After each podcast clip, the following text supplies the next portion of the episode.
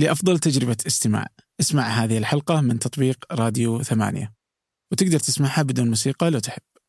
لا لا لا. في فرق. أول أنت تسرق بعد أنا ما كنت أسرق. ها شلون توري أنت ما تسرق؟ أنا نتفلكس من زمان من 2011 إحنا قديمين مو قبل ما يجي الشرق الأوسط نتفلكس آه بدر.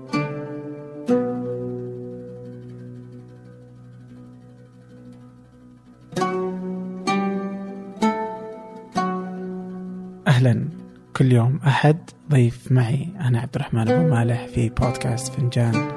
مع الكثير من التجارب الغريبة وخلاصه السنوات القصص التحديات التساؤلات والإيمانات. طبعا ستكون مع أحد منا وفينا. قبل أن نبدأ آه، أود الإشارة إلى أن تقييم البودكاست على آيتونز يوسع من دائرة المستفيدين. فلا تنسوا ذلك. أقرأ كل تعليق شخصيا. كذلك اقترحوا ضيوفا أو أرسلوا افكارا على تبس الثمانية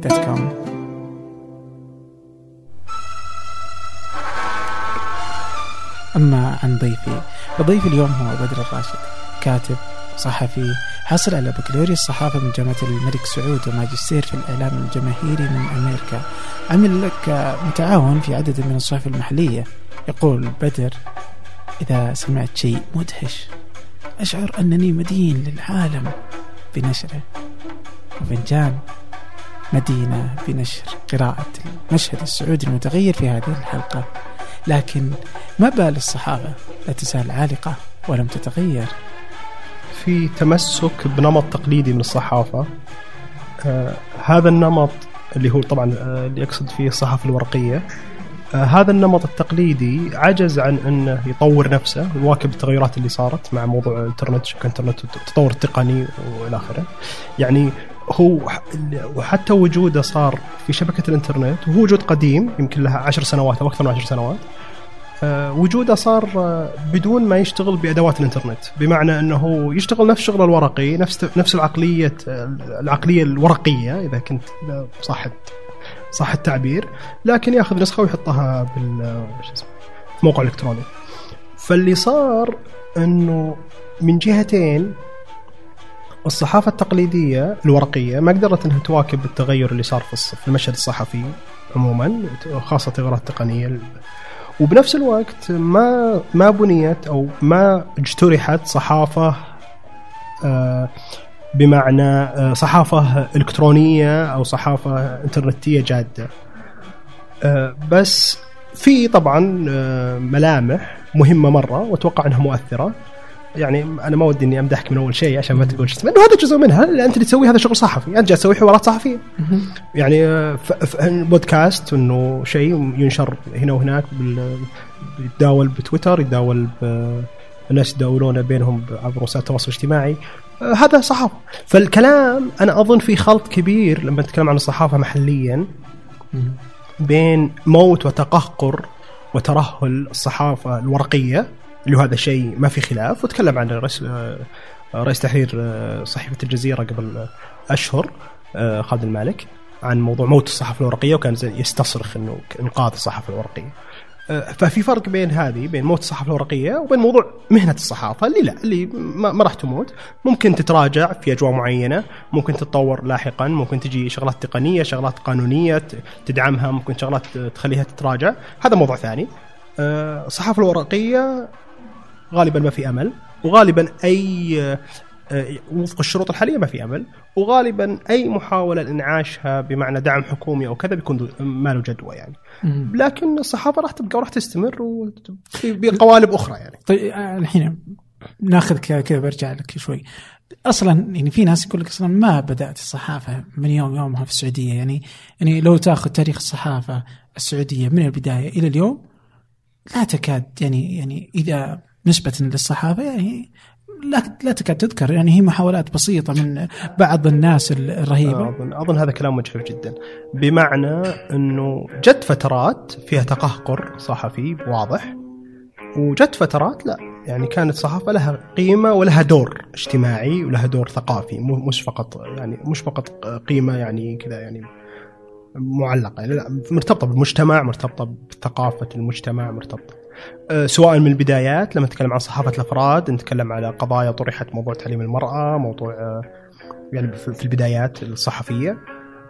آه، لما نتكلم عن فترة الثمانينيات مثلا كان في دور كبير للصحافة في موضوع النقاشات الثقافية موضوع الحداثة موضوع الصحوة موضوع كذا وكانت الملاحق كانت الملاحق الثقافية مشتعلة وفيها نقاش جاد جدا. آه، بعد أحداث سبتمبر وبعد العمليات الإرهابية اللي صارت في السعودية في 2003 برضو كان في نقاش جاد في الصحافة آه، حول موضوع ال- التطرف والإرهاب والقضايا هذه. فلا هي هي تجي فترات آه، يكون تنتعش فيها الصحافة فعلا ينتعش النقاش في الصحافة وتجي فترات لا يتراجع. وهذا الأسباب مرتبطة بقضايا سياسية، قضايا ثقافية، يعني مرتبطة بعدة عوامل آه، ما نقدر ما أقدر أنا أقول إنه فقط ال- السبب الصحافة اللي هي اللي تتحمل وزر هذا التراجع وهذا التقدم، لا في عوامل أخرى خارجة عن إرادتها.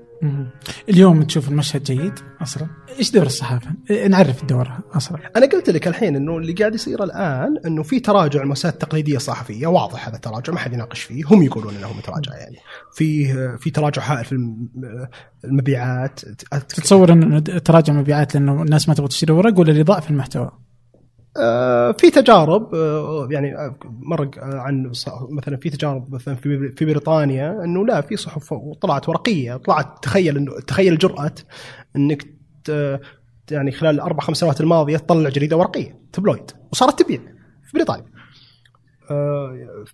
يعني ما أظن يعني أنا ما ودي أأكد كثير على قصة الورق وال- والوسيط اللي هو الورق أو ال- الوسيط الإلكتروني لأنه حتى الآن حتى الكلام الآن عن مثلا الكتاب الإلكتروني تغير. يعني أول كان في حماس إنه خلاص انت الكتاب الورقي الكتاب الإلكتروني آه، انت آه، هو اللي يتسيد الموقف الآن لا في كلام عن في أمريكا نمو مبيعات الكتب الورقية لأول مرة من أربع خمس سنوات بشكل كبير مقارنة بالسنوات اللي راحت فيعني آه، مش هذه القضية. القضية مرتبطة بالمحتوى.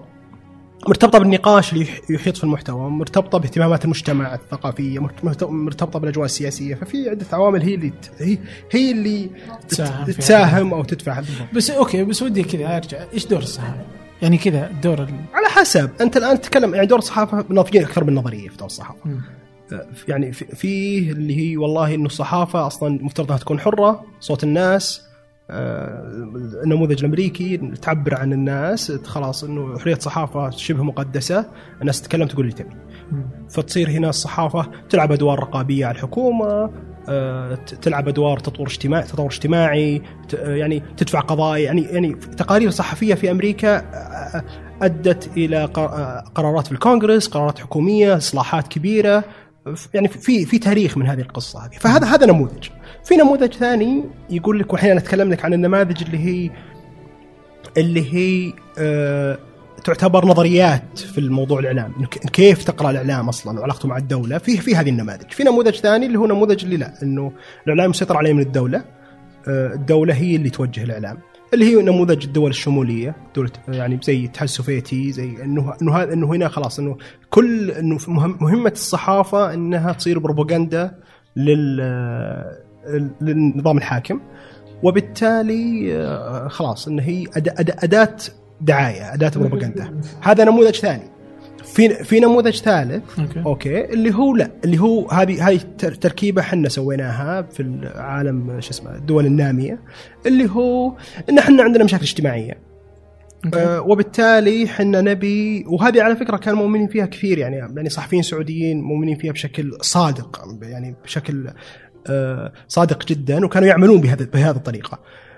إنه إحنا عندنا مجتمع آه آه آه، غير متعلم مجتمع عنده مشاكل آه، اجتماعية مشاكل اقتصادية مشاكل كذا إلى آخره. آه، مجتمع بحاجه بحاجة إلى تحديث. فهنا تصير مهمة الصحافة إنها تصير أداة تح- لتحديث المجتمع. هنا وين الإشكال؟ الإشكال إنه هذا الكلام صحيح ودقيق جدا لما تتكلم عن قبل 50 سنة قبل 60 سنة اللي هو في وضع كان فعلا التعليم في بداياته التعليم النظامي المجتمع مجتمع مدني في بداية تشكله مدن كبيرة جالسة تبنى إلى آخره. لكن إصرار على هذه الفكرة بعد 40 50 60 سنة بعد الوضع اللي صار مع البعثات مع ازدهار التعليم مع يعني يعني الكلام عن السعودية وكأنها دولة نامية زي أي دولة نامية ثانية. والخليج كله عموما هذا كلام مجحف وما هو دقيق. وبالتالي دور الصحافة المفروض انه يكون مختلف. يكون أي دور؟ الأول؟ الأمريكي؟ ما راح أقول لا. هل هذا هل هذا أصلا تشوف إنه هذا هو الدور ال- هو الكويس الجيد أصلا ولا بس إنه هذا شكل؟ إي هذا هو هو بس إنه هو ما يجي دفعة واحدة. يعني يعني هذا ما- هذا ما يجي هو ما هو نتيجة قرار. ما هو- ما هو تصحى من النوم وتقرر إنه والله الصحافه اليوم تصير حره هذه مرتبطة بشغلات كثيرة مرتبطة بشغلات اجتماعية ثقافية سياسية يعني يعني يعني ما, ما هي شيء مرتبط والله بنظام مطبوعات أو أو نقطة معينة كذا لا هي شو اسمه هي جزء من تركيبة كاملة. يعني لما نتكلم عن أمريكا هي جزء من نضالات كبيرة جزء من العلاقه بالدستور إعلان الاستقلال يعني يعني شغلات مرة تفصيلية. ما تقدر أنت تطور أو يعني تدفع تطوير قطاع معين واحد زي قطاع الصحافة مثلا بدون بشكل مستقل كأنه جزيره لحالها تشتغل آه، يعني لا هو ما هو كذا. هي جزء من آه، فضاء أكبر يشتغل فيه بين المجتمع وبين الدولة وبين آه، يوم تدرسون يعني في الجامعة إيش كانوا يدرسونكم على أن الصحافة إيش؟ هذا اللي قلته. كلها ثلاثة اي طبعا وهذه نظريات وكذا. okay. اللي تدرس اليوم في الجامعة يعني إيه. بهذا الشكل. اي بهذا الطرق okay كان في نموذج رابع ناسي ما أدري عاد إي لا لا بس جدا يعني آه قديش تحس إنه مهم جدا وجود الصحافة في أي مجتمع؟ أنا أظن إنه اللي جالس يصير إنه إذا كان اذا إذا ما صار في صحافة تقليدية بالمعنى اللي إحنا نعرفه. بالمعنى المدرسي إنه صحافة موجودة اللي تويتر ذول يعلقون في تويتر يكتبون تغريدات هذول ترى صحفي اللي يصور شيء معين اللي يجي ينتقد دائرة حكومية آه، وأدائها هذا صحفي بطريقة أو بأخرى يعني. فاللي يصور شيء معين ويجي يحط إنه والله شوفوا صار الشارع الفلاني الشيء الفلاني ويحط الصورة هذا صحفي. إحنا جالسين كثير نضيق يعني هذا يعني إنه على التعريفات المدرسية إنه إحنا في بالنا إنه تلفزيون جريدة هذه هي السينما تروح تاخذ فيلم تروح تناظر بالصاله لا لا الموضوع يعني مختلف مرة يعني بما إن تويتر يلعب دور صحفي كبير في ناس في, في حسابات في تويتر صحفيين مكتملين أركان بدون ما يقولون هذا بدون ما يقولون إنهم صحفيين وبدون يمكن ما هم يدرون إنهم صحفيين. صحيح يعني حتى وفي سناب شات طبعا أكثر وأكثر بعد اي وممكن حتى بعضهم اللي تلقى إنه تغير في الرأي العام تغير في القرار حتى السياسي من تويتر يعني. صحيح. يعني آه، وكثير من اللي نشوفه أصلا إنه ما تصير آه، مثلا تجي وزارة X ما تبدأ تتحرك إلا إذا صار ترند الموضوع أو طلع المتحدث الرسمي وتكلم آه، في الموضوع يعني. فربما إنه برضه تؤدي ذات الدور. فربما نقول المنصه تختلف الشكل يختلف. بن... ب- كنا ندري أو لا ندري؟ فهي فهي صحافة بس كأنه في ممانعة للاعتراف بانها صحافة. أو ممكن حتى إنه ما ندري إنها تكون أصلا انه إنه أوه والله أصبحت إيه. هذا الشكل يعني. صحيح. جميل جدا. طيب الحين إيش؟ فالتحولات تصير كثيرة. اليوم آه، التحولات في ال- في المجتمع تحولات في أشكال ال- الحياة تختلف. في السعودية برضو يعني خصوصا السنة اللي فاتت اللي قبلها في السنتين الثلاثة الأخيرة اللي جا الرياض يعني تغيرت اللي السعودية بشكل عام حتى شكلها للعالم الأجنبي وللعالم الغربي كله تغير آه كيف كيف حصلت هذه التغيرات؟ كيف تقرأها يعني آه، اللي صايرة للسعودية؟ هل الصحافة برضو لعبت دور آه، أم برضو إنها حصلت كذا بدون ما ندري يعني؟ لا لا هذه ندري يعني قرار سياسي إنه ت- يعني يعني التغيرات اللي حصلت بسبب تغير توجهات سياسية فصارت اتجاهنا أكثر انفتاح اجتماعي. آه، وهذا صنع هذه التغيرات اللي إحنا جالسين نشوفها الآن. طيب آه شوف مثلا قيادة المرأة كانت ممنوعة كانت آه، كل شيء تغير. بعدين الحين في في كذا في شكل يعني الخطاب الديني برضه جالس يتغير. آه إحنا كلنا جالسين نتغير. مثلا الحين مؤخرا المطلق قبل كم يوم قال إنه العباية أصلا ليست ليست أصلا إلزامية. وبعدها بفترة ممكن كذا شوية تلقى إنه آه آه إنه ما عاد يحتاج إنه واحد يلبس عباية. آه اللي تبغى تلبس تلبس يعني واتصور إنه هذا الشكل الأفضل اللي تبغى تلبس تلبس اللي ما تبغى تلبس لا تلبس يعني. بس يعني كيف التغيرات هذه؟ كيف يصبح الخطاب يعني؟ أبسط طالب شريعة أبسط طالب فقه بيعرف إنه العباية ما هي شو اسمه ليست واجبة. أتكلم عباية بشكلها الأسود ال- بشكلها ال- هذا إنه آه، في الفقه في شروط لللبس إنه ما يكون شفاف ما يكون ضيق ما يصف الجسد ما يكون لباس شهرة ما يكون في في, في شروط فقهية معينة. مم. آه، أي لبس تنطبق عليه هذه الشروط راح إنه يكون ساتر إنه يكون فأي أي لبس تنطبق عليه هذه الشروط بيكون آه، سا- بيكون بيكون بيكون خلاص هذا هذا اللبس المطلوب. أتكلم من ناحية فقهية. بس هذا فكون فغا أنا أتخيل غالبا هذا رأي الشيخ المطلق من 20 سنة بس إنه ما يقوله لأسباب مختلفة اجتماعية لأسباب الوضع العام اللي كذا. ف يعني وهذا إحنا عندنا كثير إنه عندنا كثير مشايخ عندهم آراء مختلفة. لكن ما يقولها لسبب آه، تصوره عن المجتمع الوضع الثقافي الوضع السياسي إلى آخره. يعني يعني في مشايخ تكلموا قبل عشر سنوات إنه والله قبل عشر سنوات الحين هذه قديمة شوي ما بجديدة إنه والله إنه الغناء مختلف فيه. لا ترى كلنا ندري إن الغناء مختلف فيه يعني ما في شيء جديد لكن هو ما كان يقدر أصلا يقول إن الغناء مختلف فيه. لكن قبل عشر سنوات 2004 2005 أوكي هذه كان ممكن إنك تقول الكلام طيب ليش ليش تتغير كذا؟ ليش تصير إنه مسموح؟ ما بتختلف. يعني ما, ما, ما تقدر ما تقدر تحدد سبب معين محدد. يعني شيء له علاقة بالسياسي. آه، شيء له علاقة بالمجتمع يخاف من المجتمع يخاف من قرايبه يخاف من العامه يخاف من المشايخ نفسهم. يخاف يعني اقصد إنه في أسباب كثير تخلي هذه الآراء آه، تظهر وتختفي حسب سياقات معينه، أشخاص أكثر قدرة أنهم يعبرون عن آرائهم هذه المختلفة وأشخاص لا. وزي ما قلت لك إن كل الاراء هذه موجودة فقهيا تدرس من زمان، موجودة ما هي يعني ما باختراع صاروخ، لما تقول لي إنه والله آه، إنه الأغاني مختلف فيها كلنا يدري إنه الخلاف فيه. في ناس حل في ناس يقولون الأغاني حلال من زمان يعني فقهاء أتكلم لك. من من مئات السنين مو من آه، مو بتكلم لك عن محمد الغزالي ولا عن كذا. ونفس الكلام على موضوع العبايه يعني يعني مو هو معقول مو هو معقول إنه العبايه السوداء اللي ح- هنا اللي يمكن ما يلبسها ثلاثة ولا أربعة في المية ولا اثنين في المية من المسلمات أن هذه هي الشيء الساتر الوحيد في العالم يعني. اي أتكلم لك من ناحية فقهية. اي يعني طبعا يعني هو اي أي لباس ساتر يعني قد يكون. يعني في ناس برضو يعودون إلى آه لا ولاحظ الان تسويق يعني. ولاحظ الآن صار في نقاش على كلام الشيخ المطلق إنه لا إنه أنت إنه ديننا وإنه أنت جالس تحاول ثوابتنا وإنه أنت كذا. فيعني موضوع هل إنه المجتمع أصلا طيب آه، كذا محافظ بشكل جنوني؟ مو بهذه هذه هذه المشكلة إنه في كا- كان دايم في افتراضات إنه والله المجتمع. يعني دائما كان في نقاش إنه والله المجتمع محافظ أو ما هو محافظ okay فيجون الليبراليين يقولون لا مجتمعنا مو بمحافظ وعندنا دليل إنه مجتمعنا متدين إنه مسلم بس إنه مو بمحافظ وعندنا دليل إنه مدري إيش إنه كانوا النساء والرجال يشتغلون أول مع بعض في المزارع قبل ما تجي الصحوة وإنه مدري إيش كذا كذا إلى آخره. ثم يجون ال- المحافظين إنه لا المجتمع محافظ المجتمع كذا وإلى آخره وإنه الناس كلها تبي الدين وما تبي آه، هذا إنه ما تبي هالدشرة والسروه التي تبونها وإلى آخره من السواليف هذه. آه، ال- ال- ال- الشيء اللي غريب إنه كان ساقط من النقاش.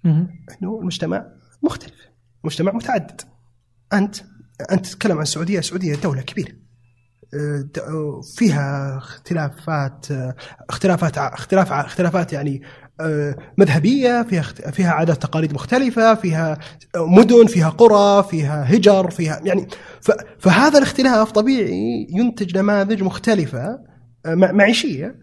من ناحية قربها من المحافظة أو بعدها عن المحافظة إنه في محافظين وفي غير محافظين فيه في ناس متدينين جدا بأنماط تدين قد ينظر لها أو إنها متطرفة. وفي لا في ناس متدينين تدين عادي سميه سميه شعبي سميه في نماذج مؤدلجة في نماذج غير مؤدلجة. طيب في ناس يقول لك إنه كثير من الليبراليين مثلا يجي يقول لك إنه آه إنه أوه والله إنه جهيمان هو السبب. إنه قبل جهيمان كنا كل شيء بعد هذه. قصة ثانية إنه كل واحد يبي يحط شو اسمه تعرف اللي تبي تحط شماعة تعلق عليها كل شيء أوكي أو تبي تحط كذا إنه خلاص إنه الشيطان الذي جاء فجأة وغير كل شيء يعني جهيمان نفس نفس القصة يعني يعني إذا أنا بتكلم عن مرحلة جهيمان هل تجد إنه فعلا إنه أصلا قبل جهيمان لا. كنا لا طبعا لا طبعا لا طبعا ما لا- ما كان لا- لكن قبل جهيمان يعني آه، متفتح و... أنا أنا حتى كلمة متفتح هنا في مشكلة فيها حكم قيمة يعني. ترى ترى كون مجتمع تقليدي ما هي بمشكله يعني. يعني أقصد في حكم قيمة إنه لازم تصير مجتمعنا زي مجتمع زي المجتمع الأمريكي أو زي المجتمع الكذا عشان يصير كذا خلاص. لا لا بس برضو إنه عندك في أمريكا في المحافظين في. لا بس أقصد إحنا يعني عندنا نقدر نسميهم اليمينيين واليساريين. اي فاهم قصدك. لا بس إحنا عندنا كأنه إنه في نموذج معين للمجتمع لازم إحنا نصير كذا. ما, في كذا انه إحنا سياقنا مختلف عاداتنا تقاليدنا مختلفة آه، ديننا يختلف وبالتالي طبيعي يصير في اختلافات يعني. يعني طبيعي يصير نمطنا الاجتماعي مختلف عن النمط الثاني و- وطبيعي يكون هو نفسه متعدد ومتنوع إنه طبيعي إنه يكون التعامل مثلا بين النساء والرجال في مدينة زي الرياض آه، بالثمانينات أو بالتسعينات مختلف مثلا عن التعامل في قرية في الجنوب ولا في نجد ولا كذا قبل آه، بالخمسينات ولا في الستينات يعني طبيعي انه يكون هالاختلاف هذا موجود هذا طبيعي المشكلة ولا وين؟ طبيعي إنه يصبح كلنا المشكلة واحد. وين؟ المشكلة وين؟ ليش إحنا صرنا كأننا كلنا واحد مع إن إحنا ما إحنا كلنا واحد، حتى في ذاك الوقت ما إحنا كلنا واحد. اللي حصل إنه صار تغير عالمي كبير. يعني ترى ترى ترى صارت ترى الصحوة صارت في أمريكا بنفس الوقت تقريبا. بنفس الوقت يعني لما تقارن جديدة. لما تقارن ما بين ال- ال- الأفكار الثورية. آه، خاصة الثورية الاجتماعية والحرية الجنسية وإلى آخره في الستينات والسبعينات. خاصة في المجتمع الأمريكي. أوكي؟ اللي جت من أوروبا بعد الثورة الطلابية 1968 ولما نتكلم عن أمريكا بالثمانينات لا ترى أمريكا في الثمانينات الصوت المحافظ أقوى بكثير. انتخبوا رونالد ريغن يعني بمعنى أنه شخص محافظ جدا. okay. محافظ بالمعايير الامريكيه لكنه محافظ. بمقابل أنت مين انتخبوا قبل في قبل نيكسون وقبل كذا؟ جون كينيدي اللي هو الشخص الشاب. اللي ال- إلى آخره. فهي اللي حصل وعلى فكرة هذه حصلت قبل بعد حصلت حتى في الخمسينات. بس بس خليني أقول لك أنا وش اللي صار في الثمانينات عشان شو اسمه. آه، اللي هو في ثلاث أحداث كبيرة صارت بشكل متزامن. حدثين عالميين وحدث محلي. آه، صارت ثورة الخميني. 1979 في الثورة الإيرانية الثورة الإسلامية الإيرانية آه، ثورة دينية ضد نظام الشاه القريب من الولايات المتحدة الأمريكية آه، واللي آه، عزز نمط متطرف خطاب خطاب نمط ثوري وثوري غير اللي نعرفه في العادة. إحنا العادة نعرف ثوري ماركسي. هذا هذا نمط الثوريه اللي نعرفها في العالم العربي حولنا يعني. ماركسي قومي وات يعني. لا هذا نمط مارك هذا نمط ثوري وديني. هذا هذه وكان وكان يشكل خطر كبير على الأنظمة السياسية في المنطقة. مم. هذه حدث. الحدث الثاني اللي هو الاجتياح السوفيتي لأفغانستان. آه، وهذا بدأ آه، هذا كان جزء من اللي بقوله اللي صار في الخمسينات. النقطة الثالثة موضوع جيمان هذا حدث محلي. فعندك هذه ثلاث أحداث كلها كانت تدفع باتجاه آه، الخطاب الديني حضور الخطاب الديني. آه، عندك الخميني زايد عليك من ناحية آه، أنه نظام. و- والسعودية دولة مركزية في العالم الإسلامي تقود العالم الإسلامي. فكيف يجي فجأة كذا الخميني ويزايد على في هذا الموضوع يعني؟ هذه نقطة. أه وعندك آه، الاتحاد السوفيتي احتل أفغانستان. مم. الاتحاد السوفيتي من بعد الحرب العالمية الثانية وهذا اللي كنت وش اسمه؟ من بعد الحرب العالمية الثانية والخطاب الأمريكي تجاهه خطاب إنهم ضد إنه يعني من ضمن الأسباب اللي هو يعني إنه ملحد نظام ملحد. مم. فالأمريكان الأمريكان يعايرون الاتحاد السوفيتي وهم ضده وهذا طبيعي طبعا الأمريكان متدينين بالمعنى العام. فكانت مشكلتهم مع إنه نظام آه، ملحد ان الشيوعية الحاد. فهذه كانت البروباغندا هذه كانت الطريقة الدعائية اللي استخدمها الأمريكان عشان يواجهوا الاتحاد السوفيتي. okay. وعلشان كذا كانوا وهنا كانت أنا ما ودي أدخل تفاصيل إضافية عشان كذا كانوا مثلا الأمريكان يدعمون حتى إسلاميين في دول مختلفة. okay؟ يعني في كلام ما يعني ما- أعرف أنا تفاصيله بس مثلا إنه وين العلاقة جت بين الولايات المتحدة الأمريكية وبين الداعية التركي جولين فتح الله جولين جت هنا. إنه فتح الله جولين كان من الأشخاص اللي كان يدعمون الأمريكان في ذلك الوقت في الخمسينات علشان ينشر الخطاب الديني في تركيا علشان ما يصير في اجتياح للأفكار ال- ال- السوفيتيه الافكار الشيوعية. فهي جزء من خطاب عالمي. فهنا يعني لما تجي تقول لي والله جيمان هو اللي أنا على أساس برجع شو اسمه احاول الملم الموضوع. إنه والله عشان تقول لي جيمان والله هو اللي غير كل شيء. لا ترى ترى جيمان ما خلى آه، ريغن يستقبل المجاهدين. كانوا كذا يستخدمون المانشيت في نيويورك يعني مجاهدين يعني. okay؟ ما ما خلت آه، يستقبلهم في شو اسمه في البيت الأبيض. هذا ما جيمان ما له علاقة يعني. لما لما جاب قادة ال- ال- الجهاد الأفغاني ضد آه، السوفيت استقبلهم في البيت الأبيض. لا هو استقبلهم. هذا جزء من system عالمي صاير. مهم. وهنا في نقطة طريفة يعني. أنا أذكرني يعني شفت فيلم كان يتكلم عن آه، البروباغندا الأمريكية ضد آه، الاتحاد السوفيتي بعد الحرب العالمية الثانية مباشرة. فكان الخطاب يعني خطاب الحين يمكن لو يسمعونه ربع ترامب يعني اليمين اليمينيين ال alt-right اليمين البديل الأمريكي يمكن ينجلطون يعني. إنه كان الخطاب إنه علينا نحن أتباع الأديان الثلاثة الإسلام واليهودية والمسيحية أن نتوحد ضد الإلحاد الاتحاد السوفيتي. وكان كذا يتكلم إنه أتباع محمد وأتباع موسى وأتباع عيسى إنه يجب يتوحدون الآن عشان يواجهون السوفيتي. وهذا خطاب أمريكي رسمي.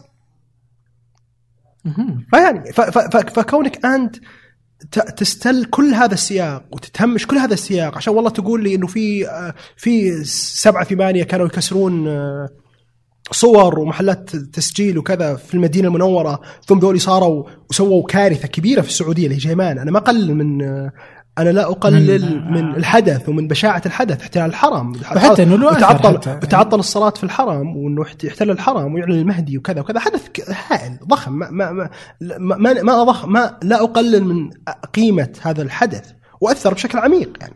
لكن ما هو بهذه الطريقة. ما هو ما لم لم يكن تأثيره بحيث إن إحنا كنا كنا آه، منفتحين وكان المجتمع متسامح وكان الوضع كذا وصار مجتمع متدين. لا مو بهذه كذا. بل لو تجي ال- المشايخ الصحوة وبداياتهم راح تلقى كثير منهم كانوا يعني في في أشخاص يعني يعني كان بدايات خطبهم ونشاطهم وكذا من منتصف السبعينات. طيب هل الخطاب اللي اليوم المعادي للصحوة يعني معتدل ولا قوي ولا هو يناسب أصلا جالس يصير؟ المشكلة هنا إنه الخطاب جالس أحيانا يجي كأنه بأثر رجعي. يعني كأنه هو هو جالس يتكلم عن ذكرى عن عن شيء هو يتخيل عن الصحوة أو يتخيله المشكلة إنه يعني الحقبة هذه يعني ال- اللي بجيلي آه، عاش آه، يعني عاش آه، يعني عاش شو اسمه يعني جزء مهم منها صح إنه على آخرها أوكي. بمعنى أو بآخر. جيلي وجيلك طبعا. آه، بس إنه يعني يعني يعني عشنا جزء مهم. يعني إحنا عشنا وكان في توعية إسلامية في المدارس كان في مخيمات المطاوعة كان في كذا. وغالبا يعني غالبا ما في أحد من عندنا في المتوسط ولا في الثانوي ما طلع معهم وما طلع على شو اسمه مو ما طلع معهم. هم جزء من عندنا ما كانوا شيء يعني يعني حتى معهم كانوا شيء آخر. لا لا مو كانوا آخر كانوا شيء عادي كانوا شيء تلقائي موجود مكتبة. إيه، آه، مخيم صيفي أوكي؟ فهنا فهنا أنا أنصر والحديث عن الجهاد والمجاهدين كان عادي يعني. في سياقات كان مو بكلهم. خصوصا 2000 و... م- مو واحد. كلهم يختلف إيه يمكن يختلف الوقت. آه، يعني كان في وقت آه، اللي هي بعد سبتمبر اختلف الوضع شوي بعد 2003 اختلف جذريا. آه، إيه. بس أنا ما أدري عاد وش صار بعد 2003 لأن أنا يعني يعني في المدارس في التسعينات. يعني يعني مثلا موضوع التأكيد على شغلات آه، خلافية بسيطة بالفقه آه، زي حلاقة ألو... آه، حلاقة شعر الوجه آه، حلاقة اللحية زي موضوع الغنى زي موضوع طول الثوب زي موضوع كذا. كانت كانها موضوع حياة أو موت يعني بشكل مبالغ فيه وبال okay؟ يعني كانوا يصدون الناس بسبب أشياء زي كذا. okay؟ آه، كان في خطاب آه، فقهي متنطع بسياق ما. هذا صحيح. وأثر في المجتمع بشكل كبير. آه، يعني يعني يعني في أشياء لا تنكر أو يعني حقيقية يعني. okay؟ لكن أنا ضد لوم كل شيء على الصحوة. لأنه الصحوه ما كانت الفاعل الوحيد. كان في دولة كان في ثقافة كان في الناس كان في يعني يعني إنه وضع كل شيء يعني وضع كل شيء للصحوة كانهم شيء كذا اختطفوا المجتمع وساروا في في شو اسمه في طرق ال- المظلمة وإلى. هذا هذا كاريكاتوريا هذا ما يصير. زي ما زي ما اني زي ما أنا تكلمت قبل شوي على موضوع الصحافة. وإن الصحافة ما تقدر تطورها لحالها إنها جزء من منظومة مختلفة متنوعة كذا. الصحوة نفس الشيء. الصحوة جت اشتغلت في فضاء عام. في كم مجتمع في ناس. الناس ذولي في ناس أكثر قابلية للتقبل في ناس ضد في ناس صعب شو اسمه من الأول كان في زقرت عندهم مشكلة مع مشاكل مع المطاوعة. فيعني في محاولة استسهال كذا إطلاق أحكام عامة يعني.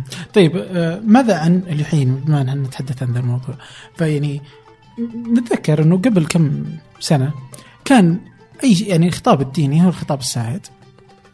أوكي و وأي محاولة لانتقاده أو الحديث عنه هي كذا كمال أو أنك كذا تأخذ على أنك تعادي الإسلام وتعادي الدين وتعادي كل شيء يعني وأنت كذا يبدأ تخوينك من ناحية إسلامك. اليوم تغير الموقف لم يعد الخطاب الديني هو السائد وإنما أصبح في خطاب كذا الوطني هو السائد وإنه أي شيء تقوله كما لو أنك تعادي الدولة ولا تعادي الحكومة ولا تعادي وتخوينك يعني يخونون وطنيتك وزي كذا. ف, ف انتقلت من مقصله إلى مقصله أخرى يعني. كيف تشوف كذا الخطاب العام يعني؟ وإن كانت يعني وهذه محاولة حتى حتى الصحوة كانت تحاول تسويها بشكل أو بآخر. اللي هي الإيهام إنه في تناقض ما بين آه، هويه الشخص الدينية والهوية الوطنية. فإنك إذا أنت صرت آه، كذا فأنت معناها إنك أنت تخليت عن دينك إذا أنت وطني أو اذا أنت وطني معناها إنك أنت يعني فيها فيها الم... أنت آه، إذا إذا أنت إسلامي فمعناها أنت أممي فمعناها أنت هذا الخطاب الليبرالي إذا أنت إسلامي فمعناها أنت أممي فمعناها أنت ضد الدولة. لأنك أنت ضد الوطنية وضد كذا. وإذا أنت وطني أنت كافر. هذا الخطاب الثاني. فهذا يعني أبسط شيء أبسط حديث على أفكار الهوية وتعدد الهوية وتعدد الكذا يعني يعني ينسف هال هال هالفكرة هذه التناقض لا يعني انك انت تكون أنت مسلم أنت سعودي أنت كذا أنت متعدد أنت من من الجنوب من الشمال انت يعني الهوية أوسع من هال من هالجزء هذا إنه أما الخطابات هذه فتلقاها موجودة بكل مكان. يعني وتلقاها موجودة يعني خطابات التخوين أو خطابات كذا. إلى إلى الآن الحين في كلام على جالس كلام على فتوى الشيخ المطلق. الحين جالسين ناس يتهمون أنه جالس ضد الدين ويتكلم كذا وكذا وكذا. الآن اللي هو في اللحظة اللي أنت تقول إنه في خطابات تخوين وطنية أكثر من كون خطاب الدين. أنا أتوقع الفرق اللي هي آه، إمكانية الكلام الناس عن الخطاب أكبر تعبيرهم أكثر. فبالتالي أنت تجي يعني غالبا بيكون انطباعك مبني على عشر حسابات في تويتر. يعني يعني صعب إنك أنت تقول إنه هذا والله ترند إنه كل الناس كذا وكل الناس تسوي الشيء هذا. غالبا يصير الموضوع انطباع مأخوذ من حسابات كذا وحسابات هذا. هذه جزئية. آه، جزئية ثانية ما أعرف يمكن الوضع العام في العالم العربي اللي جالس يصير جالس يخلي الناس يصير عندها حساسية تجاه فكرة الوطن وفكرة كذا لما يشوفون إنه والله إنه دول حروب أهلية في دول فيها داعش في دول فيها احتلال آه، أجنبي إلى آخره فيكون فيه ال- الحماس هذا تجاه ال- الوطن أو كذا هذا ممكن. ممكن آه، برضو يعني هو الجو العام برضو اللي جالس يصير من اليمين المتطرف آه، والشحناء وترامب وخرابيط وخويش. في موجة عالمية الآن؟ يعني تقدر تقول إن في موجة عالمية يمينية بهالمعنى عنصرية؟ آه، بدت يعني يمكن في وت- وكذا يعني وصل ذروتها مع اليمين المتطرف الأمريكي وجالسه تنعكس علينا ونشوف هذا الخطاب هذا موجود في الخليج تجاه الأجانب تجاه العمال تجاه كذا موجود هذا الشيء صحيح. ويتنامى ويتنامى بسياق مختلف بعد يعني غير موضوع الموجة العالمية. مثل هذا مثل ه- مثل هذا النمط من العنصرية يرتبط عادة بالاوضاع الاقتصادية. لما يصير الناس تحس إنه والله الوضع الاقتصادي عندهم جالس ينهز والله إنه والله شو اسمه آه آه، يعني موضوع الوظائف وموضوع كذا فيقول فيشوف هو إن هذا الأجنبي جالس ياخذ من الوظيفة أو كذا فتبدأ هال- هالأفكار هذه بغض النظر عن حقيقيتها يعني إنه في الغالب هي ما هي حقيقية يعني في على الأقل في مستويات معينة. آه، فيبدأ هذا الطرح العنصري اليميني ال- كذا الموجود آه، طبعا في أوروبا وقف بعد انتخاب الانتخابات الفرنسيه يعني هذه كانت كذا كأنه موجة. كأن لا كان كان في موجة كأنه في اكتساح يميني خلاص وكذا. لكن فرنسا بعد مع انتخاب ماكرون كأنه انحدد الموضوع. وألمانيا برضو مع موضوع عارف انتخاب ميركل. آه، فكأنه الموضوع في أوروبا هدى شوي. فامريكا أنا اظنه في بدايته. بمعنى الحين ترى تونا نسميه. أوه. إيه اليمين الأمريكي أنا أعتقد إنه المستقبل الجاي يعني ما هو ما تتصور إنه مجرد إنه ينتهي ترامب آه، لا ترامب رافعة تقدر- ترامب تتوقع إنه بيكمل أربع سنين آه؟ غالبا إيه بس غالبا. في الغالب. وإنه إذا انشال تتوقع يمددون له؟ قصدك تخ... يصوتوا له دور ثاني؟ أستبعد بس احتمال وارد ما ما, ما تحس إنه بينعكس وقتها إنه بيجي آه، اليسار المتطرف لأنه الناس كرهت هذا الشكل من اليمين؟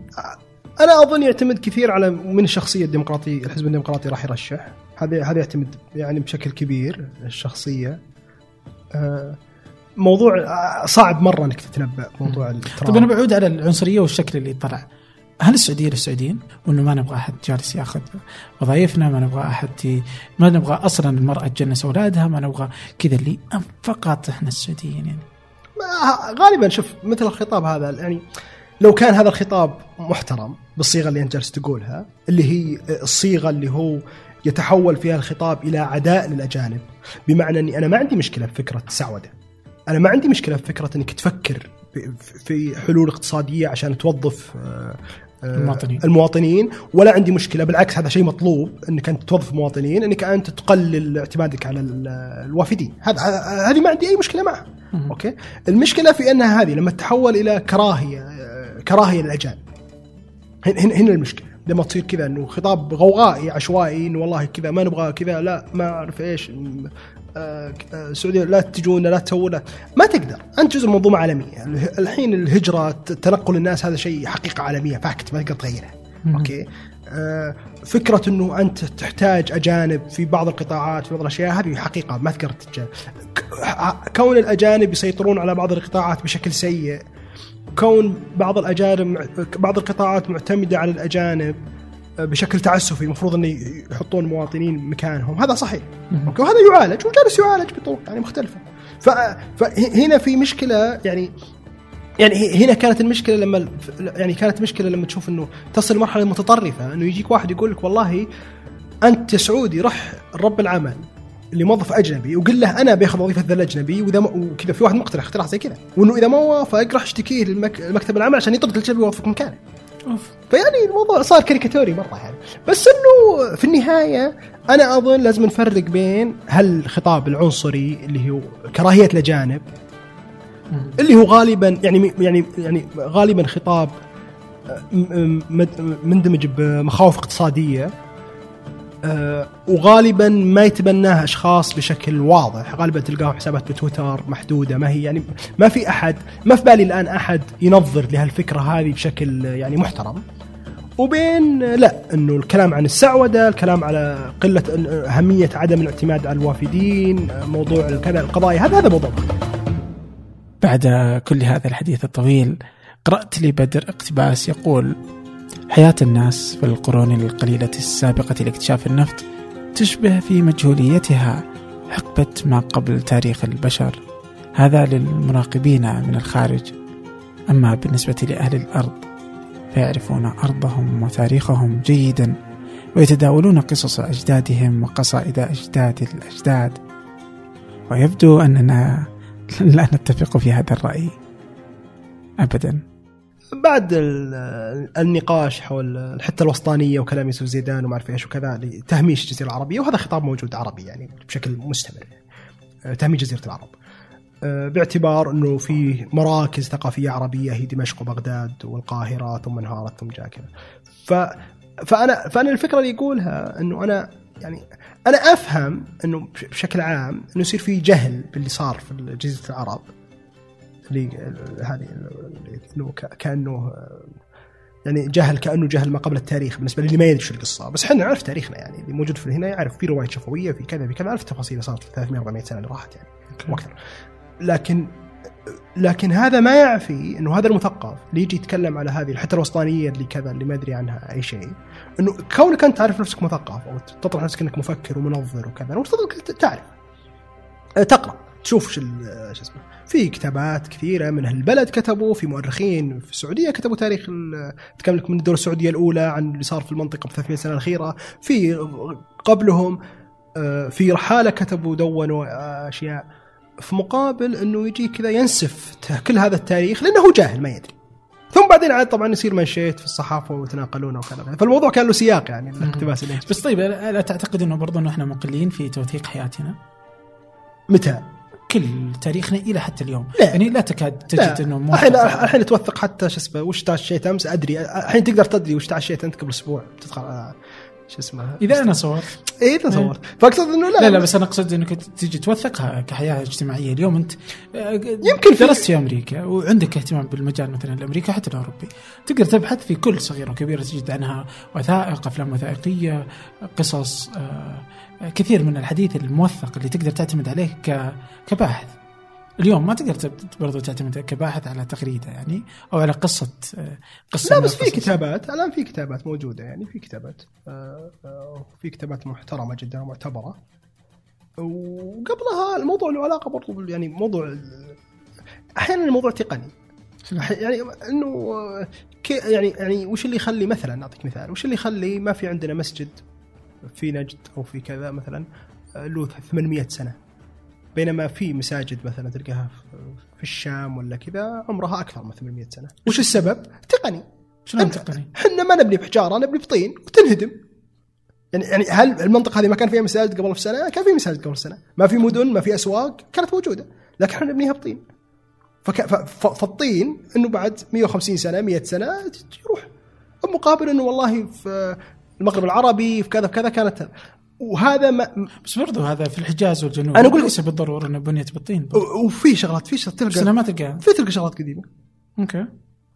ما أدري. يعني أنت أخبر. يعني مثلا يعني بال قبل أمس. يعني في الحجاز أمس يعني, كنت في. يعني في الحجاز قبل أمس كنت في نجرة. يعني إذا في الحجاز إذا إذا الموضوع إذا الموضوع انهياط إحنا عندنا الكعبة أقدم شيء موجود عندكم. يلا ورونا آه، آه، يعني طبعاً. هذه يعني أقصد إنه إذا الموضوع كان كذا خلاص الكعبة أقدم من الأهرامات. خلاص إحنا أعرق من الفراعنة. وخرابيط هذا كلام فاضي. يعني الكلام اللي أنا أقوله فاضي والكلام هذا اللي اللي برر اللي. اللي يعتبر كذا الفراعنة هي شيء عظيم كلام فاضي. لا لا أنا أنا إذا بأخذ على نفس مسألة التوثيق فالعرب كلهم مقلين بالتوثيق يعني. مو بصحيح مو بصحيح. ما, ما تاريخ الطبري شفته عشان تقول العرب مقلين في التوثيق. لا لا دقيقة. هو هو وثق. مثلا okay. so هذاك الوقت كنا جيدين مثلا. لكن اليوم هو جت فترة. أتكلم عن قبل 40 سنة لو أسألك عن حاجة حصلت في السعودية ما تقدر تعرفها. قبل إلا- 30 سنة. إلا موجود. وين؟ موجود؟ في شو اسمه مجلدات حقت هذه صحافة الأفراد بتحصل فيها شغلات. موجوده إي نعم. وفي شغلات تلقاها بال... وفي شغلات راح تلقاها بأرشيف في في الحجاز. آه، يعني مواد مؤرشفه بتلقى مواد, مواد زي كذا. okay. okay. وبتلقى وبتسأل جدك بيعرف بيعلمك. okay. okay. رواية شفوية. طيب. عاد ما ودي أقول بس بتلقى شغلات موجوده لا، إيه. بتلقى شغلات موجودة بالارشيف البريطاني يعني. يعني في أشياء في الارشيف بت... okay أنا أقول لك رجعت مرة قديم تلقى إنه فيه.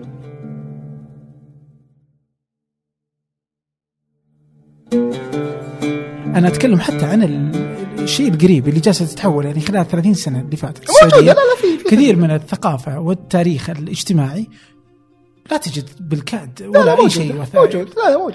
سنبحث ودي إنك تعطيني. هالمصادر يعني. لا موجود. إيه يعني- يعني أوكي جميل. طيب اذا بناخذ على إنه موجود. آه وبنطلع. آه يعني ودي إني أبقى بالعربي شوي بس بس يعني يعني يعني يعني يعني, يعني, يعني, يعني الدكتور سعد الصويان وثق كل الروايات الشفوية الموجودة على مدى 200 سنة تاريخ الشفوي. وثقه في كتاب أيام العرب الأواخر. هذا مثال okay؟ وبتلقى في الدار عبد العزيز الملك عبد الخضر العزيز. عبد الملك عبد العزيز تلقى فيها عبد العزيز الخضر. عبد العزيز الخضر وثق 30 سنة اللي راحت. بي بي يعني تاريخ الصحوة تاريخ هذا وتكلم عنه. السعوديه كتاب السعودية سيرة الدولة والمجتمع. في كتب بتحصلها عن مدن. في كتاب اذكر أنا الحين بس جس أنت قاعد تقول لي جيب بجيب لك أمثلة يعني. في كتاب شو اسمها؟ دكتوره ثريا عن عنيزة مثلا. دكتوره ثريا نسيت اسمها مع مؤلف آخر. و- آه، مع باكر بقادر. وبزيدك إيه، بزيدك يعني برضو. تلقى كتب عن الحجاز ليه ما تقول بس؟ في مذكرات وفي كتب تفاصيل عن الحجاز وعن جدة وعن كذا. تغطي لك 400 سنة 500 سنة قبل. فيعني الكلام كذا إنه تجي كذا لا ما في لا في يا أخي o- okay الوضع مختلف. okay ما كان فيه مدن كبيرة في نجد زي القاهرة وزي بغداد وزي كذا. هذا هذا موضوع ثاني okay؟ لكن تقول إنه ما في بشر ما في تاريخ ما في ناس لا مو صحيح. أنا ما قلت كذا طيب. لا اللي أنا أرد عليه اللي أنا جبت الاقتباس كان يقول كذا. لا لا الحين نقعد لا لا بس أنا نتكلم عن آه الفكرة. م- إلى الآن ما جيت للمسألة ليش هم كذا يرونه بشكل مختلف. بس أنا أتكلم إنه إحنا مسألة توثيقنا لحياتنا لا نزال مقلين فيه في في الصورة الاجتماعية لا تجد كثيرا من آه، الت- التوثيق في الحياة الاجتماعية في الحياة السياسية في الحروب في الأشياء هذه تجد أنها موجودة كثير من الأدلة أنا. أختلف أنا أنا يعني شوف يعني شوف يعني أنت لما إنه نختلف يعني. اي عادي نختلف إيه. أنا أفهمك لما تقول والله إنه عدد الكتب المكتوبة مثلا عن آه، الحرب الأهلية الأمريكية لا تقارن بأي شيء بما كتب مثلا عن اللي دار في جزيرة العرب. okay توحيد المملكة مثلا. آه، okay أتفق إنه الكمية تختلف تماما. لكن تقولي ما كتب لا كتب كتب كثير. وكتب كثير. وتلقى كتابات غربية وشرقية وحنا كتبنا سعوديين وكتبوا كذا. فانا أنا ضد هذه فكرة إنه ما في لا في. أوكي. لم أستسلم ولا يستسلم بدر حول موضوع التوثيق لذا قررنا تغيير الحديث إلى كتاب في تاريخ العروبه هذا الكتاب الذي شارك بدر في كتابته مع صديقنا القديم سلطان العامر وتحدث فيه عن الثورة العربية الكبرى فمن أين أتت وبدأت هذه الفكرة؟ كلمني سلطان قال لي بسوي كتاب والفكرة كذا وكذا وش رأيك تكتب؟ قلت أنا والله عندي الفكرة الفلانية حقت الثورة العربية الكبرى وكذا لأني كنت مشتغل على شغلات لها.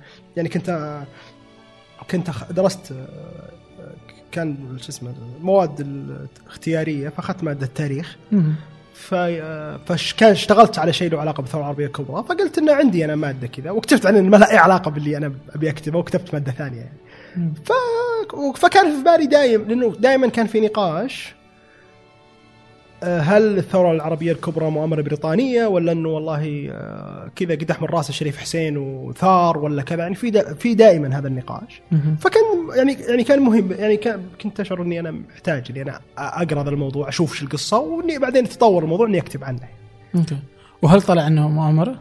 هي ما هي ما هي مؤامرة وبريطانيا لها دخل أكيد يعني قاد من ضمن الشغلات اللي قادها لورنس يعني شغلات عسكرية قادها لورنس وشغلات كذا. آه، اللي أنا كتبته جبت يعني شغلات وامثله وكذا إنه كان في جو ثورة ضد الأتراك عام. كان في جمعيات آه، عربية وقومية جالسة تشتغل في بغداد في بغداد وفي دمشق وفي القاهرة ويتواصلون فيما بينهم. وكان في ضباط آه، من الضباط العرب في الجيش العثماني عنده ذا التوجه ال يعني ال القومي الرافض للهيمنة التركية. وبنفس الوقت شو اسمه يعني بنفس الوقت كان فيه نقمة على الأتراك بسبب سلوكيات جمال باشا في الشام. آه، نقمة عربية وحتى أنه كانوا يلقبونه بالسفاح. وكان يقتل وقتل مجموعة من القوميين العرب في تلك الفترة. فكان في أجواء ثورة. حلو. وكان وجت وكان بريطانيا تبي ذا الشيء إنه يصير لأنه بريطانيا كانت آه، يعني بأجواء الحرب العالمية الأولى. فكانت ما تبي هالمنطقة هاي تروح مع ألمانيا يعني. فاللي صار إنه اللي صار إنه في البداية تواصلوا مع ال... يعني أنا قاعد أقولها بتبسيط مرة مرة بتبسيط يعني إي ما مخل. اللي صار إنه تواصلوا إنه ك... أنا أقول لك إنه هذه في أجواء هذه في أجواء نقمة في العالم العربي ضد الأتراك وهذا قديمة يعني قبل الثوره السنوات يعني من ألف و... من من بدايات القرن العشرين. ومن ناحية ثانية كان في تواصل ما بين الملك حسين ومع البريطانيين شريف حسين ومع البريطانيين شريف مكة. فهم قالوا له ثور هو قال لا. وبالعكس راح بعد يعني بعد ما رفض إنه يثور على على العثمانيين يعني خاض معارك لصالح العثمانيين في, جنوب جزيره العرب. يعني واجه ثائرين في جنوب أظن الأدارسة. بعدين بعدين جت اللحظة اللي حس إنه كان في مؤامرة ضده في عند في الباب العالي في تركيا إنه كانوا بيشيلونه بيحطون ولد عمه مكانه. فقرر إنه بيثور. فكلمنا ترى قال ها صاملين؟ قالوا يلا. فيعني يعني حصل شيء فانت فأنت تتكلم إنه في تواصل مع البريطانيين في أجواء ثورة كانت موجودة أصلا من من قبلها عزيز المصري والجمعيات العربية في بغداد وفي القاهرة كانوا يرسلوا له إنه ثور وأنت قودنا يعني أنت يعني كشخصية مهمة في العالم العربي إلى آخره وهو كان رافض. فيعني في تفاصيل. ما هي بالسهولة إنك تقول والله إنه ثار أو ما ثار أو إنه مؤامرة أو ما هي مؤامرة يعني. فهنا وهنا النقطة المضحكة جدا.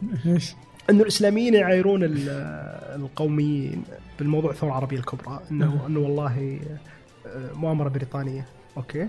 بنفس الوقت اللي أعلن الجهاد ضد بريطانيا في الباب العالي عند العثمانيين اللي اللي قال للخليفة إنه يعلن الجهاد ضد البريطانيين آه ألمانيا مخابرات ألمانيا.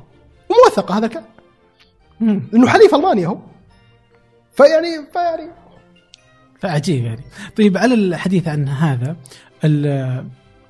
لورنس وكذا كذا ودي أخذه كمدخل على الاستشراق. آه، تتذكر كنا في العصفورية الأخيرة إيه؟ آه أربعة. إيه؟ آه كنا تحدثنا عن الاستشراق والصورة النمطية آه، للعرب لدى الغرب والكتابات سواء في الرواية أو في الفيلم الغربي عن العرب. الحين آه، وش وش الاستشراق؟ وهل آه، دوره أثر على رسم العربي على أنه بهذا الشكل أنه رجل إما إنه إرهابي وعنف وكذا أو إنه ساذج آه غبي يعني يملك الكثير من المال يعني. آه خلني أرجع خطوة قبل نتكلم عن الاستشراق اللي هي تتكلم عن الصورة النمطية. هات. أوكي. لما تتكلم عن الصورة النمطية أنت تتكلم عن هذه صورة مبسطة آه، بشكل مخل آه، وفكرة وصورة مبسطة ومخلة عن مجموعة مجموعة أشخاص أو عرق آه، أتباع دين اللي هي يتكلم عن مجتمع معين. أحيانا حتى يصل لمرحلة إنه يعني يتم التعامل مع مع الجندر التفريق بين النساء والرجال. واحيانا يتم التعامل حتى مع أصحاب الإعاقات على أنهم برضو يعني مجتمع ممكن يكون له صور نمطية. وكذا. فهذا لما نتكلم عن الصورة النمطية. لما نتكلم عن وبالتالي الصورة النمطيه يستخدمها الكل ضد الكل بشكل يعني كبير. لما نتكلم عن موضوع الاستشراق الاستشراق شكل جزء من الصورة النمطية آه، عند الغرب عموما أوروبا الغربية والولايات المتحدة الأمريكية. فالاستشراق أثر في يعني اللي كان اللي جا- اللي جاب النقاش ذيك اليوم يعني نتكلم عن الموضوع العصفورية إنه الاستشراق اثر في الثقافة الشعبية الأمريكية. إنه يعني إنه هذه الرؤية الاستشراقيه الأكاديمية دخلت في الإعلام الأمريكي ثم صارت جزء من الثقافة الشعبية على المسلمين والعرب. كيف كيف يتشكل العرب والمسلمين؟ لما نتكلم عن الاستشراق إحنا نتكلم عن الكتابات الأدبيات اللي كتبت اللي تتناول الشرق بشكل فيه أكثر من سمة يعني لهذا التناول اللي خلت هذا الاستشراق بهذه الصورة اللي انتقدها إدوارد سعيد يعني. اللي هي إنه هذه الكتابات أول شيء تفترض قطيعة تفترض اختلاف جذري بين الشرق والغرب. آه، فتف فإنه هذا الآخر المختلف عنا تماما. آه، انه انه إنه فيها نمط هيمنة سواء ثقافية أو أحيانا مش ثقافية أحيانا هيمنة وظيفية مو بس ثقافية. يعني فيها نمط ثقافي إنه هذول أقل ومتخلفين وكذا فنروح ندرسهم. وفيها نمط أحيانا وظيفي بمعنى إنه الأدبيات الإشراقية كتبها موظفين في الاستعمار.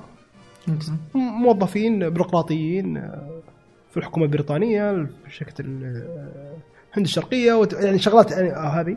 فكتبت في ظل هذا الأشياء.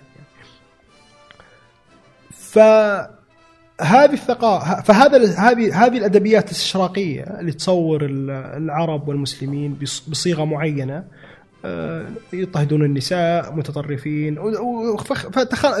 ما كان يعني آه، إنهم منافقين إنهم آه، كذا كسا- كسالى. هذه جت دخلت في الثقافة الشعبية الأمريكية دخلت بعدين هوليوود دخلت في الاعلام الأمريكي. أضيفت لها شغلات ثانية يعني مع السبعينات أضيفت لها موضوع الإرهاب سبتمبر آه، يعني موضوع ال- بعد سبتمبر أضافت لها أشياء أخرى فيعني ففي هذه الطريقة يعني إن هي آه، البنية الاستشراقية كانت أساسية. وبنيت عليها أشياء أخرى لاحقا حسب الأوضاع السياسية. بس مثلا برضو أتذكر آه، يغيب عني الاسم لكن برضو يعني ذكر في يعني مثلا مع الاستشراق يعني وإن كتبوا عنه في بعضهم اخذوا من جانب سلبي في بعضهم اللي اخذ اللي ذكر ال- الوضع كما هو يعني. آه، يعني كذا مثلا في كرمهم في شجاعة العرب في زي كذا لكن أخذ عننا بس الجانب السلبي. آه، هل أنه والله لأنه بس يراد بيع؟ لا إحنا؟ لا لا ما هي فاهم قصدك. لا لا إحنا تقريبا إحنا نتكلم عن شيء أكثر تحديدا بمعنى إنه نتكلم عن دراسات معينة حقل اكاديمي معين. أك يعني أكثر مو يعني شيء مؤسس أكاديمي ثقافي أكثر من كون إن نتكلم والله إنه في دراسة ترى كانت تتكلم عن العرب بشكل كويس. لا موضوع مختلف مو بالطريقة هذه. لا لا قصدي انه تصل في الأفلام. عادة يجي إنه في قالب يعني كوميدي ساخر. هل إنه بس عشان يبغى يبيع؟ يعني ولا إنه عن هوليود قصدك؟ إيه. وش اللي يجي؟ يعني قصدك الصورة السلبية يعني؟ الصورة السلبية يعني إنها تبيع أحسن. يعني ما ما مني هدف إني أجيبها كويس يعني. تبيع أحسن؟ صح. آه، جزء من ثقافتي هذه أصلا. انه إنه العرب العربي إرهابي المسلم إرهابي. فهذا جزء. إني أخاطب انه ما أبي أفكر وأتعب. أخذ الأفكار ال- يعني الأفكار هذه ال- البسيطة الساذجة وأستخدمها يعني. فهي في في أسباب زي كذا يعني. بعيدا عن كل ذلك ومحاولة لتلطيف الجو دخلنا في غيابة Netflix والإنتاج والأفلام وما علاقته بدري بها. معقول ماني مرة يعني. عندك حساب في IMDb وتقيم وكذا. اي عندي حساب. آه. يطلع عندك إن عندي حساب ولا ما يطلع؟ المفروض الناس في privacy يا أخي. ما أدري أنا. أنا أسأل. طالع عندك. يطلع في حساب بدر يعني. آه. كيف كيف كيف يا أخي Netflix اليوم أنا أشوفهم يعني من أفضل الناس يا أخي. كذا اللي أنت تقول لهم أرجوكم خذوا فلوسي. هذه مشكلة Netflix آه، Netflix آه، مرة صارت سهلة يعني بسط الموضوع اونلاين وشبك أي وقت ومبلغ بسيط ما هو كبير وكذا مم. وفشلت إنها تصير brand بمعنى Netflix ما هي ماركه يعني الآن مثلا أعطيك مثال لما تقول لي هذا المس- المسلسل Peaky Blinders هذا إنتاج البي بي سي لما أقول لك إنتاج البي بي سي في الغالب أنت تفترض quality شكل معين معين. شكل إيه، معين صحيح. إنه هذا ما راح يقل عنه أوكي؟ أو حتى HBO لما أنا بقول لك بي بي سي ولا HBO لما أقول لك البي بي سي لما أقول لك HBO أنت مباشرة بتفترض آه، نمط معين ما راح يصير أقل. يعني. مهما كان سيء المسلسل ما راح يكون آه، ما, ما راح يرتكب هذه الهفوات السخيفة التافهة اللي كان. آه Netflix لا. Netflix في مسلسلات رهيبة مرة وفي مسلسلات مرة سخيفة. يعني ما ما كان ما صار brand ما صار إنه والله تقول لي هذا إنتاج Netflix أجل خلاص هذا قضينا. يعني Narcos جميل جدا. انتاج Netflix في واحد ثاني جاز لي أنا بس إنهم وقفوا يقولون إنه فشل أنا جاز لي. Marco Polo زين كان. okay. وفي شغلات تشوفها سخيفة مرة. الحين في ناس يتكلمون عن المسلسلات الثانية اللي هي Mindhunter وكذا ما شفتها بس اوه رهيب. Dark بعد يقولون زين بس ما شفتها. آه الالمانيه Black Mirror من اللي آه، Netflix اشترت آه، يعني حقوق الجزء الرابع فهي اللي okay. أنتجت الرابع. آه، okay. الأول والثاني والثالث الظاهر البي بي سي. أظن. إيه. أظن آه بس الرابع يعني إنتاج Netflix بس يعني والله ملاحظة غريبة لطيفة يعني. اللي فعلا يعني ما قد ما انتبهت النقطه هذه إنه يعني كذا. نتفلكس فعلا ما يمديك تاخذ يعني على كثرة إنتاجها. يمكن لأنه هي تحاول إنها تكثف الإنتاج هي بشكل في تنوع شو اسمه أتوقع إيه، تنوع الجمهور وتنوع هذا. بس مم. إنه كثفوه بشكل إنه صار ما تقدر تقيس يعني إنه هذا رهيب ولا لا. نهائيا. نهائيا ما, ما تقدر ابدا ابدا. تق- كذا أنت بس أنت بناء على الناس حظك. إيه. فعندهم أشياء رهيبة مثلا وأشياء مرة عادية وسخيفة. وتدري إني هذا حتى اشتركت عشان أشوف Game of Thrones في وقته. اشتركت. حتى وانت هنا إيه. آه. شلون؟ عجيب والله. إيه. لا لا. عشان أشوف الساعة 4 الفجر. 4 ونص. آه خلصوا. يا أخي تصدق ما تابعته. صدق. حسيت إنه ما ب... ومخليني أجلس معك وأسولف معك وأنت ما تابعته. والله ما تابعته. يعني في إبهم إيش كان يقول؟ يقول وش ذا المسلسل اللي تبغاني انتظر ثلاثة مواسم عشان أبدأ أفهمه؟ يعني اديني لا لا, لا لا لا تفهم من أول شيء هي بس. بس ما جاز لي أبد يعني. ما جازت لي الفكرة يعني فما تابعته يعني. آه لكن يهدي الله من يشاء. يهدي الله من يشاء. آه لكن أصلا حتى على الجزء الأخير السابع يعني يبدو انه كذا اللي استشفيت إنه يقولون إنه أصلا خايس. يقولون. لكن آه عموما آه تحدثنا في كثير من الأشياء أعطيتني كثير من وقتك. حديث آه لا يتوقف مع يعطيك. العافية وأنا جدا سعيد صراحة معك وبالحديث هذا ويعطيك العافية عبد الرحمن. شكرا. تستطيعون إيجاد بدر وكل ما تحدثنا عنه في الروابط في وصف هذه الحلقة في أي من التطبيقات التي تستخدمونها. وطبعا نكرر أن بودكاست فنجان هو منتج من منتجات ثمانية الشركة الأم. وهناك بودكاست من ثلاثة أرباع مع سعود العود وقناة فنجان على اليوتيوب. وهناك مقالات على موقع ثمانية dot com وطبعا قناة ثمانية على اليوتيوب. كان لها نصيب الأسد مؤخرا بها ما بها من الفيديوهات وبقية الإنتاج. وكذلك تستطيعون أن تروا لقطات من كل حلقة من بودكاست فنجان على قناة ثمانية. وهناك ثمانية بالإنجليزي أو كما نسميها LTR كذلك حساب ثمانية على تويتر حساب على الإنستغرام في خلف الكواليس وأشياء جميلة جدا. الآن فشكرا لكم جميعا وحتى الأسبوع المقبل. ألقاكم.